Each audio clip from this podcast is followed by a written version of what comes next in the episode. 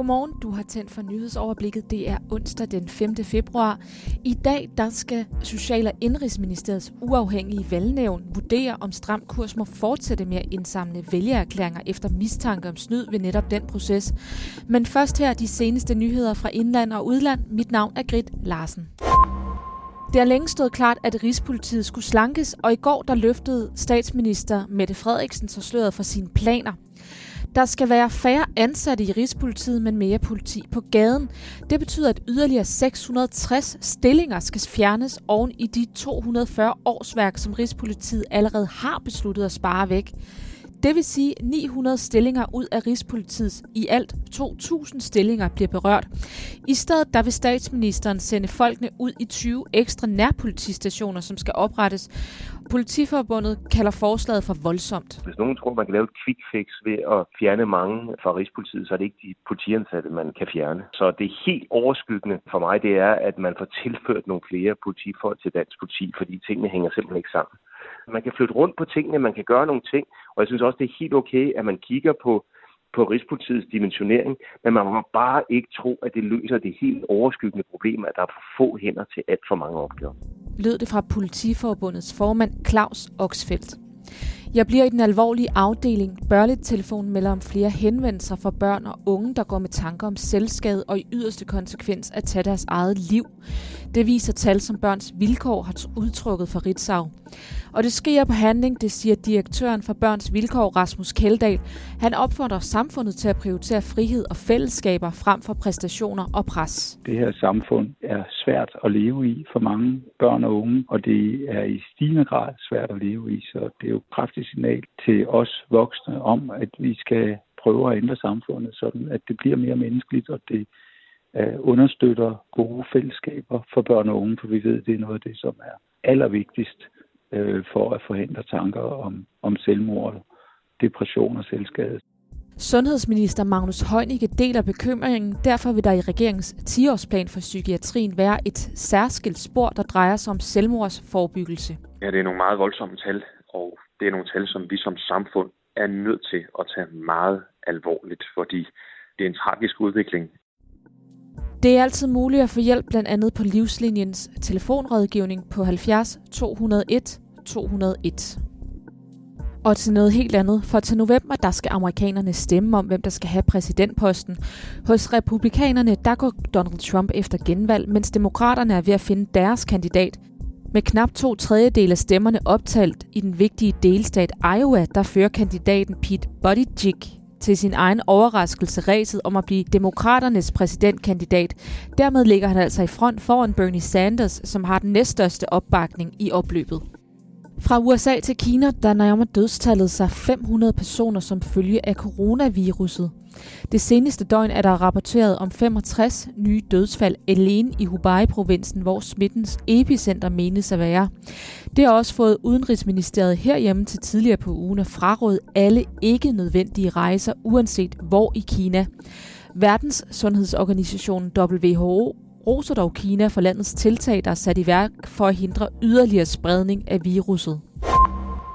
Stram Kurs fik tilbage i december et gult kort af valgnævnet. Partiet er mistænkt for snyd med indsamlingen af vælgererklæringer, som gjorde partiet opstillingsberettiget til folketingsvalget sidste år. Senere i dag der mødes valgnævnet så igen for at diskutere, om der var tale om snyd. I så fald så kan Stram Kurs risikere at få et rødt kort, og det betyder, at partiet udelukkes fra at kunne indsamle vælgererklæringer. Og alle de vælgererklæringer, partiet allerede har indsamlet, de bliver slettet. I dag er reglerne sådan, at når en vælger giver et parti sin støtte, så skal der gå en såkaldt eftertænksomhedsperiode på syv dage. Efter den uge, der kan partiet kontakte vælgeren og bede dem bekræfte vælgererklæringen, og først herefter er den gældende. Det er blandt andet den regel, Stram Kurs har omgået, det forklarer professor i statskundskab ved Syddansk Universitet Robert Clemmensen hvis de metoder, som både øh, Paludan og øh, til dels også Riskær Petersen brugte, bliver lukket, så bliver det jo altså sværere at opstille sig et nyt parti. Det må vi jo bare konstatere. Ikke? Det er jo noget, der i en eller anden forstand strider lidt imod den der idé, vi har med, at alle synspunkter i samfundet skal kunne repræsenteres. Og det kan også komme til at klemme de nye partier, som skal samle de over 20.000 vælgererklæringer ind. Det kræver at komme på stemmesedlen. Den afstand i tid, der er mellem selve underskriften og det der med at genindsende en støtteblanket, jo længere den er, jo større er sandsynligheden for, at vælgeren ikke indsender vælgerblanketten. Og derfor får nye partier svært ved at blive opstillingsberettet til folketingsvalg. Partileder Rasmus Paludan har selv i et interview med Berlingske foreslået et nyt partinavn ved stram kurs for karantæne. Paludan siger videre til avisen, at han forventer, at partiet vil blive frataget muligheden for at stille op til næste folketingsvalg i dets nuværende form. Og derfor kommer navneskiftet måske på tale. Den situation er ikke set før, det tilføjer lektor Flemming Jul Christiansen fra Roskilde Universitet. Det er jo et juridisk spørgsmål, som kan være lidt svært at svare på. Men man kan sige, altså man kan jo anmelde et nyt parti under et nyt navn. Så er det spørgsmålet, om man kan anmelde et parti, man i vist omfang kan opfatte som allerede eksisterende. Så skal nogen jo sådan som anfægte, at det bare er det samme parti, der kommer igen under et nyt navn. Det ved jeg ikke, om Indrigsministeriet vil gøre, eller nogen andre vil gøre. Det vil jo komme an på deres praksis. Jeg tror ikke, der er sådan et fortilfælde for det, umiddelbart. Herfra der vender vi atter blikket mod USA og rigsretssagen mod den amerikanske præsident Donald Trump. I mandags afsluttede de demokratiske anklager og de republikanske forsvar deres endelige procedurer, og i aften dansk tid, der skrider senatet så til afstemning. Det helt centrale spørgsmål i sagen er, hvorvidt Donald Trump forsøgte at presse Ukraine til at iværksætte en undersøgelse af en politisk rival ved at tilbageholde militærstøtte til ukrainerne. Som det ser ud nu, tyder intet på, at senatet kender Trump skyldig. Der skal to tredjedels flertal til, men Trumps republikanske partifælder har over halvdelen af pladserne i senatet, og ingen af dem har vist tegn på at ville stemme imod præsidenten og dermed afsætte ham på posten. Men det bliver altså afgjort i aften. Her er tre øvrige historier, du også kan holde øje med i dag, her onsdag den 5. februar. Børne- og undervisningsminister Pernille rosenkrantz teil skal i samråd. Her skal hun forklare, hvorfor regeringen har valgt at fjerne midlerne til den såkaldte talentenhed, som understøtter særligt kloge og talentfulde børn i folkeskolen.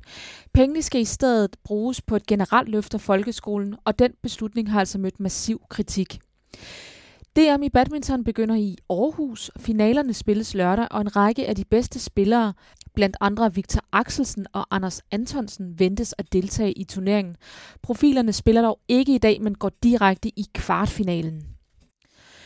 Og så er det også i dag, at Dansk Industri præsenterer sit forslag til en ny national forsvarsindustriel strategi. Det sker på den årlige forsvars- og sikkerhedskonference. Forsvarsminister Trine Bremsen er hovedtaler på konferencen og ventes at komme med sit og regeringens syn på fremtidens forsvars- og sikkerhedspolitik. Derfra et blik på vejret tørt med en del sol, men i løbet af dagen bliver det mere skyet fra nordvest og ud på eftermiddagen måske også med lidt regn. Temperatur mellem 4 og 7 grader, svag til frisk vind fra nordvest og vest, der i løbet af dagen tiltager og bliver jævnt til hård omkring vest. Og med de ord, rigtig god onsdag.